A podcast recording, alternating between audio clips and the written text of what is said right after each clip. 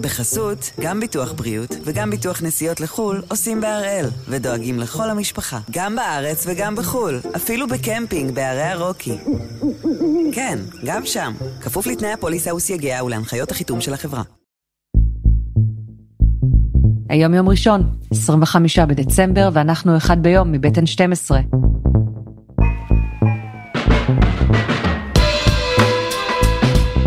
אני יונה לייבזון ואנחנו כאן כדי להבין טוב יותר מה קורה סביבנו. סיפור אחד ביום, בכל יום.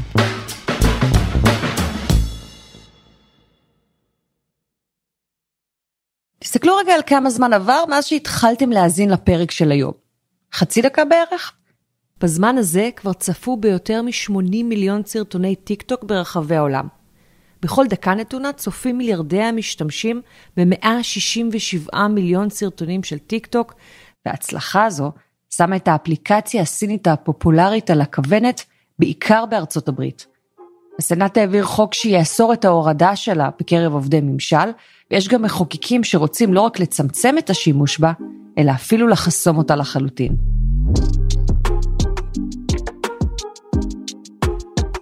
אנחנו היום עם אליל בן צור, עורכת הראשית של טק 12, ודוקטור אלכס גקר, חוקר תקשורת מאוניברסיטת תל אביב, עם השאלה, מי מפחד מטיקטוק ולמה?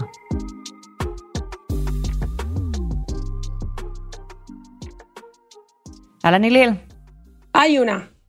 לך יש טיקטוק? כן, האמת שיש לי טיקטוק, אני אפילו מנסה להגביל את השימוש של עצמי בטיקטוק, מרוב שיש לי טיקטוק. תראי, זה נדמה כאילו טיקטוק תמיד הייתה פה, אבל מתי אנחנו שומעות עליה לראשונה? אז טיקטוק עצמה קיימת בשם אחר שאני אפילו לא אנסה לבטא אותו בסין מ-2016. מאוד מהר הם מבינים שהם עלו על משהו שמצליח, אפליקציית סרטונים מהירים אה, ומייצרים את הגרסה הבינלאומית שלו ב-2017, אבל האמת היא שאת הבום הגדול, ו... רובנו בעצם נחשפים לטיק טוק רק בסוף 2018. אם את זוכרת, היה טרנד מטורף של סרטוני ליפסינק באפליקציה בשם Musical.ly. פשוט אנשים היו בעיקר צעירות היו שרים לצלילי, מקליטות את עצמן, שרות לצלילי איזשהו שיר, אה, עושות ליפסינק עם השפתיים, זה היה טרנד מטורף. טיק טוק רוכשת את Musical.ly ומתמזגת, והופכת את שתיהן לטיק טוק של מה שאנחנו מכירים אותו היום. אז זה בערך באזור שלהי 2018. ואנחנו רואות אפליקציה, רשת חברתית, אבל האמת היא שהיא מאוד שונה ממה שהכרנו. טיק טוק במובן מסוים קצת משנה את כללי המשחק, וזה בין היתר גם מה שמביא להצלחה האדירה שלה. רשתות חברתיות עד שהגיע טיק טוק היו משהו אחד, ומהיום שטיק טוק יצאה לאור, הן משהו אחר לגמרי. כי אנחנו מכירים רשתות חברתיות, פייסבוק, אינסטגרם, אה, סנאפצ'אט, בתור רשתות שבהן אתה עוקב אחרי האנשים שאתה מכיר. בסדר? החברים מהתיכון, הקולגות מהעבודה, המשפחה, אתה מעלה דברים מעניינים שקורים לך באותו יום, אה, או באופן כללי, וקהל האנשים שאתה עוקב אחריהם, הם אנשים שאתה מכיר. או לחילופין, אם ניקח את זה צעד קדימה, אנשים שאת או אתה מעריצים, אני מעוניינת לעקוב אחרי אנשים שאני מעריכה ומעוניינת לראות את היומיום שלהם. טיק טוק בעצם באה ואמרה, אתה הולך לקבל סרטונים של אנשים שאין לך מושג מי הם, אבל אנחנו נדע שאתה תאהב אותם. ובעצם יש פה אירוע משמעותי וטקטוני בעולם הרשתות החברתיות. מי שמנהל את הפיד שלי זה אלגוריתם של טיק טוק. אני, אין לי בן אדם אחד שאני עוקבת אחריו, שאני מכירה בטיק טוק ועדיין יש לי שעות שימוש יומיומיות בטיק טוק. למה? כי האלגוריתם של טיק טוק הוא מבוסס בינה מלאכותית. ונכון שהיום אומרים בינה מלאכותית כמעט על הכל, אבל דווקא מהבחינה הזאת זה משהו שאפשר ממש להרגיש אותו. תיכנסי לטיק טוק, תתחילי לגלול. לאט לאט תראי יותר ויותר סרטונים שאת אוהבת. הוא עוקב אחרי כמה שניות את צופה בסרטון, מתי את מעבירה, האם עשית לייק או לא, כמה מהר עברת לסרטון הבא, האם נכנסת לעמוד הבית של מי שפרסם את הסרטון וחיפשת סרטונים נוספים, כמו זה שצפית בו כרגע. ולאט לאט טיק טוק מצליחה לייצר פיד סרטונים מותאם אישית למשתמש ששואב אותו פנימה, בצורה הרבה יותר מעניינת בסופו של דבר ממה, לא יודעת מה, השכן שלך מהתיכון עושה היום בחיים.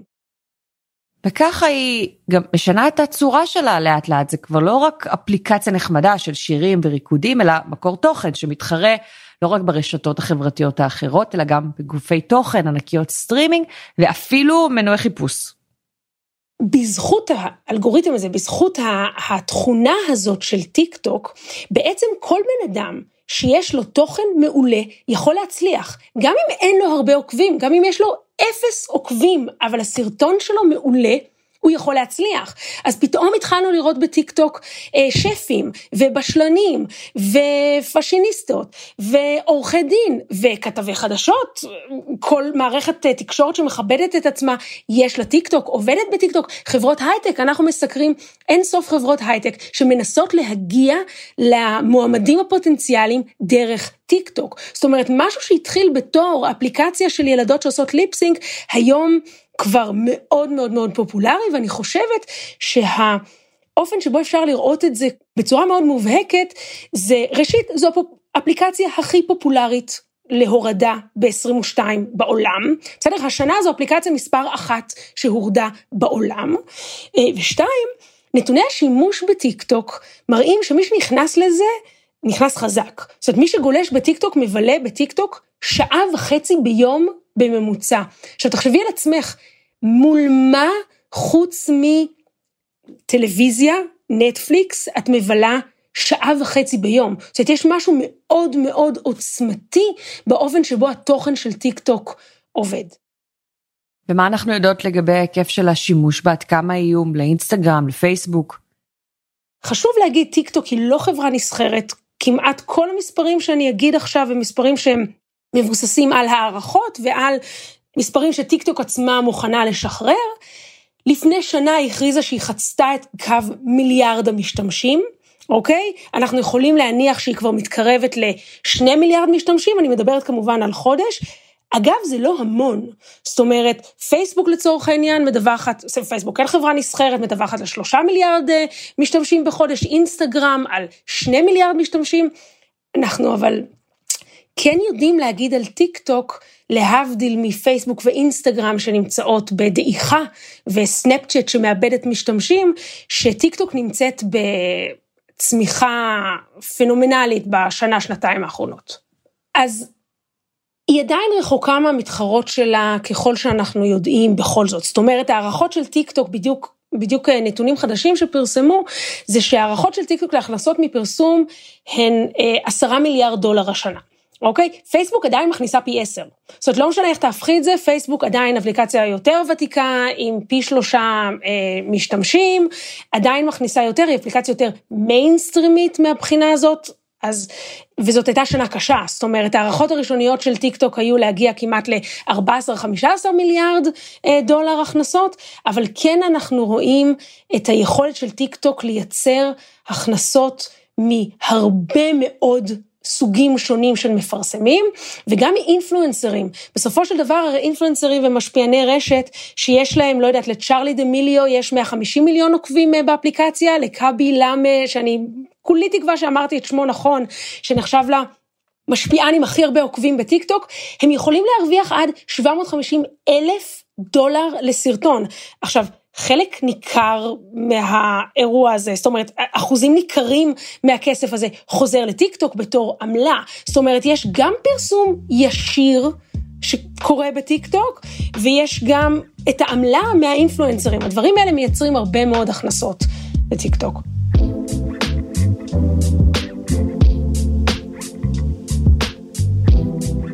אז טיקטוק לאט לאט מזדחלת לראש טבלת ההורדות והשימוש ברשתות החברתיות, אבל מה גורם לחשש ממנה והניסיונות לחסום אותה? חסות אחת ומיד חוזרים.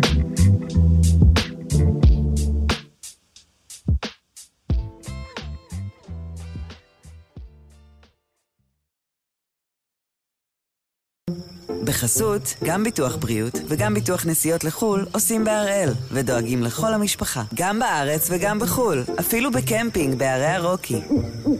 כן, גם שם, כפוף לתנאי הפוליסה וסייגיה ולהנחיות החיתום של החברה. אז הבנו כמה טיקטוק מצליחה, מתקרבת מאוד למתחרות שלה, יכולה אפילו לעקוף אותן. מה שהיה נראה כמו אפליקציה נחמדה לריקודים לילדים מקבלת נפח הרבה יותר משמעותי ורציני ויכולת השפעה, מה שגורם גם לדאגה של ממשלות ברחבי העולם ובראשן ממשלת ארצות הברית.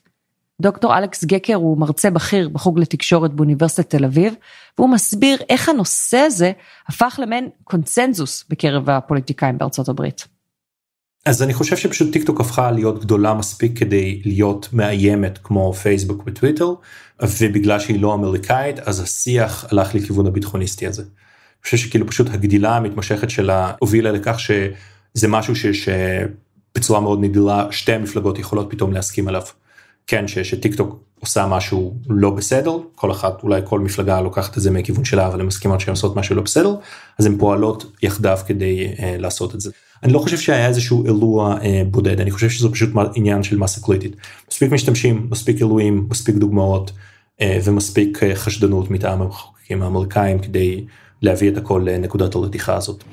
TikTok is a enormous threat. This company should be banned. I don't know why they're allowed to operate in the United States. I think it gives the Chinese Communist Party an opportunity to spy on all of us. החשש שלהם הוא כפול. החשש הראשון, שהייתי אומר שהוא יותר קצת בצד הרפובליקאי של המפה, הוא שמדובר באפליקציית שטיפת מוח. יש לך בו בעצם אפליקציה שלוכדת את תשומת ליבם ודמיונם של מיליוני, מאות מיליוני אנשים בארצות הברית, או אולי עשרות מיליוני אנשים בארצות הברית, אבל רובם צעירים ומשפיעים, ואולי הם בעיקר באמצעות האלגוריתם המסתורי שלהם יצליחו להכתיר להם לענות קומוניסטים ללא שאני מניח, זה החשש, כן, לגרום להם לשנוא את הדמוקרטיה ואת השוק החופשי. זה בצד אחד. בצד שני, בצד טיפה יותר דמוקרטי, החשש הוא יותר דומה לחשש בכלליות ממדיה חברתית שזה עניין של אי אבטחת מידע, אי שמירה על פרטיות, שהמידע האישי שלך למשל על מה שאת עושה או מה שאת צופה, או אה, דברים כמו הרשאות מיקום שניתנו למכשיר, יזלוג לידיים זולות, ולמשל דרך כך יהיה ניתן להגיע לאנשים רגישים ואת יודעת לסחוט אותם על מיקומים מסוימים, וזה שני, שני הצדדים של החשש בעצם. ארה"ב וסין נמצאות במעין מלחמה קרה. אז החשש של הממשל עצמו הוא גם מריגול ואיסוף נתונים, וגם מהמצב החדש שטיק טוק יצרה, שבו יש לסינים גישה ישירה לכל כך הרבה טלפונים ניידים של אמריקאים. ואת זה אומרים לא רק הפוליטיקאים, אלא רשויות ממשלתיות, כמו נציבות הסחר ואפילו ראש ה-FBI. We do have national security concerns, uh, at least from the FBI's end, uh, about TikTok. They uh, include the possibility that the Chinese government could use it to control data collection on millions of users or control the recommendation algorithm, uh, which could be used for influence operations if they so chose. 12 מדינות ברחבי ארצות הברית, והמספר הזה עולה מרגע לרגע, כבר העבירו חקיקה שאוסרת על עובדי מדינה להוריד טיק טוק לניידים. זו גם ההנחיה בהרבה משרדי ממשלה ורשויות פדרליות. עכשיו, הסנאט העביר חקיקה שזה ייאסר לכל עובדי הממשל האמריקני. This morning, lawmakers are one step closer to approving a ban on TikTok on all government devices after the Senate passed a bill yesterday. This comes as more and more lawmakers raise concerns over the national security implications from the Chinese-owned app. בארצות הברית היא לא היחידה שהולכת בכיוון. יש מדינה אחת שאסלה על טיק טוק, ומדינה יותר גדולה מארצות הברית, מדינה של קרוב למיליארד איש. הודו, הודו אסלה על טיק טוק בגלל בדיוק אותם הסיבות שהאמריקאים מדברים עליהם עכשיו כבר לפני שנתיים. שלטונות הודו התחילו לחשוד שהם משמשים לתעמולה סינית או להתערבות סינית במערכת הדמוקרטית שלהם, למשל באמצעות הפצה של ממים אנטי המפלגה השולטת או התערבות יצירת תוכן שלועג לתרבות ההינדית או באמצעות יצירת תכנים או עידוד תכנים ש, שמעודדים שנאה בין ההינדו לבין המוסלמים בהודו. וב-2020 הממשלה סגרה את האפליקציה ובינתיים יש בהודו כמה אפליקציות מתחרות ש, שבעצם סוג של חיקויי טיק טוק הודים שהם מוצלחים יותר או פחות ומתחרים על הנתח שוק העצום הזה ש, שטיק טוק לא יכולה להיות בו יותר. בתקופת ממשל טראמפ הניעו מהלך להכריח את טיק טוק למכור את הפעילות שלה בארצות הברית לידיים אמריקאיות. מהלך שבינתיים נתקע. אבל עד כמה באמת הסינים שולטים באפליקציה? נכון, זו לא חברה ממשלתית, אבל כמו הרבה חברות בסין, היא מושפעת מאוד מהממשל. כן, סין היא אה, מדינה אוטוריטרית אה, על סף הדיקטטורה של מפלגה אחת, המפלגה הקומוניסטית הסינית. אה, אנחנו יודעים טוב מאוד מה, מהדוגמה של ג'ק מה למשל, המייסד של אה, עליבאבא שנעלם לפתע מעין הציבור למשך שלושה חודשים יום אחד בגלל שכנראה היו שם סכסוכים כאלה ואחרים עם המפלגה הקומוניסטית שיש השפעה ישירה על המייסדים והבכירים בחברות האלה מטעם הממשל ומטעם המפלגה. וספציפית למקרה של טיק טוק אנחנו יודעים שקודם כל היו דיווחים פנימיים חשיפות מתוך טיק טוק אמריקה. הם ראו שהמידע של משתמשים אמריקאים או מידע של משתמשים גלובליים מתבקש או ניגשים אליו מהנדסים בסין. אה, ואף לא תמיד הבינו איך או מה הסיבה. אז יש כל מיני סיפורים חלקם יותר אנקדוטליים וחלקם כשחושבים עליהם לעומק אה, קשה אולי יותר להבין מה הייתה הסכנה אבל טיק טוק ByteDance הבעלים של טיק טוק ניסו להפיץ אפליקציית חדשות משלהם שבעצם הייתה מאוד פלוס סינית זה לא משהו שלא ראינו בעבר, שימוש ברשתות חברתיות כדי לדוגמה לנסות להשפיע על בחירות, להתערב בפוליטיקה פנימית, זו טקטיקה ידועה שראינו שגם האיראנים וגם הרוסים השתמשו בה. יש גם עדויות שהתחילו להתפרסם, שורת תחקירים של באזפיד שהראו בין היתר שלסינים הייתה גישה למידע של משתמשים אמריקנים, בניגוד למה שאומרים בחברה. That's right. A new report out showing that Chinese employees of popular app TikTok have gained access to US user data potentially exposing Americans' personal information to China's government. All of this raising questions about whether the company misled U.S. lawmakers about employees' access to U.S. data. BuzzFeed reports... אחרי שאמרנו את כל זה, יכול להיות שהחשש קצת מוגזם? שיש מניעים אחרים? צריך קודם כל להגיד שיש כנראה מידה מסוימת של אה, פחד זרים או שנאת זרים בחלק מהשיח שפושה על טיק טוק. אז לפני שאני אגיד שכן יש סיבות לפחד מטיק טוק צריך להכיר בכך שיש שיח אה, אנטי אסיאתי אנטי סיני אה, מאוד מסורתי בעיקר, בעיקר בכל מה שנוגע לטכנולוגיה. מצד שני תראי אנחנו לא יודעים הרבה על מה האפליקציה נותנת או לא נותנת בארצות הברית פשוט כי כמו כל אפליקציה חברתית וכמו כל כמו גם יוטיוב ואינסטגרם ופייסבוק וטוויטר כל סינון אלגוריתמי זה, הוא קופסה שחורה בפנינו קופסה שחורה ונעולה. והחברות שעושות את האלגוריתמים האלה ואת האפליקציות והפלטפורמות האלה רוצות שזה יישאר כך כי זה הסיקרט סוס שלהם זה הנוסחת קוקה קולה שלהם. אמ, זה גם מה שמאפשר להם להמשיך להיות רווחיות היכולת שלהם לנווה את התוכן שיעניין אותנו ולהגיש לנו את התוכן הזה בצורה הולכת ומתמשכת. האם הגיוני בעיניי שבגלל שיש יותר תוכן מגוון, תוכן יותר מיני ותוכן יותר אלים מבסין, אז זה התוכן שמצליח יותר בטיק טוק הבינלאומי בהשוואה לסין? כן, זה מאוד הגיוני בעיניי, כמו שתוכן אלים ומיני מצליח במדיה. האם זה נובע בגלל איזשהו רצון של המפלגה הסינית למוטט את המוסר האמריקאי באמצעות תועבה? לא, כי אני חושב שזה קשור פשוט לעובדה ש... אמריקה או אירופה הם מדינות פתוחות יותר שמאפשרות תוכן שונה ומשונה ומאפשר שיח פתוח על דברים אז מן הסתם יהיו שם תכנים מסוגים הרבה יותר רחבים מסוגים הרבה יותר קיצוניים מאשר שהם יימצאו בסין אם כבר זה, זה אומר משהו על החוסן של החברה הדמוקרטית שמסוגלת אה, לאפשר תכנים כאלה. ובסופו של דבר החלום הסיוט הזה לא החלום הסיוט הזה של של מדיה שמשתלטת לנו על התודעה זה משהו שאנחנו מכירים היסטורית בתקשורת מאז ימי הרדיו או הכתב תלוי עד כמה את רוצה ללכת 100 או 2000 שנה אחורה. הרעיון הזה שיש איזושהי כאילו צורת תקשורת שנכנסת לך לתוך הראש ומשנה איך את חושבת אז, אז כמו שאנחנו מגחכים קצת על, על החשש של אה, סבינו מהרדיו או מהקולנוע אה, כמו שאנחנו כבר מבינים שזה לא כל כך פשוט שמשחקי מחשב גורמים לילדים להיות אלימים בצורה של אחד לאחד, משחקים במשחקים אלימים הופכים למשחקים אלימים, אז השיח הזה על ההשפעה הסינית של טיק טוק הוא קצת נכנס לאותה קטגוריה. ואני חושב שאולי בעוד 5, 10, 50 שנה זה אולי ייראה לנו או לילדינו או לנכדינו מגוחך כמו שהחשיבה שסרטים אילמים בשחור לבן הצליחו, לא יודע מה, להחדיר בנו סטיות כאלה ואחרות והפרו את המוסר האמריקאי של שנות ה-20 וה-30.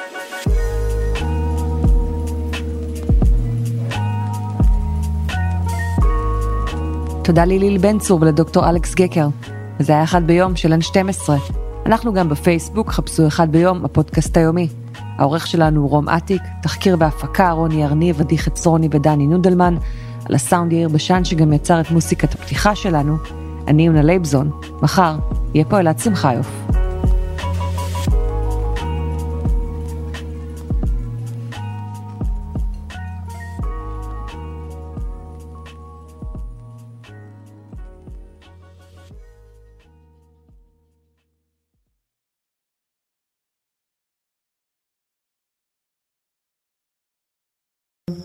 בחסות, גם ביטוח בריאות וגם ביטוח נסיעות לחו"ל עושים בהראל, ודואגים לכל המשפחה, גם בארץ וגם בחו"ל, אפילו בקמפינג בערי הרוקי. כן, גם שם, כפוף לתנאי הפוליסה וסייגיה ולהנחיות החיתום של החברה.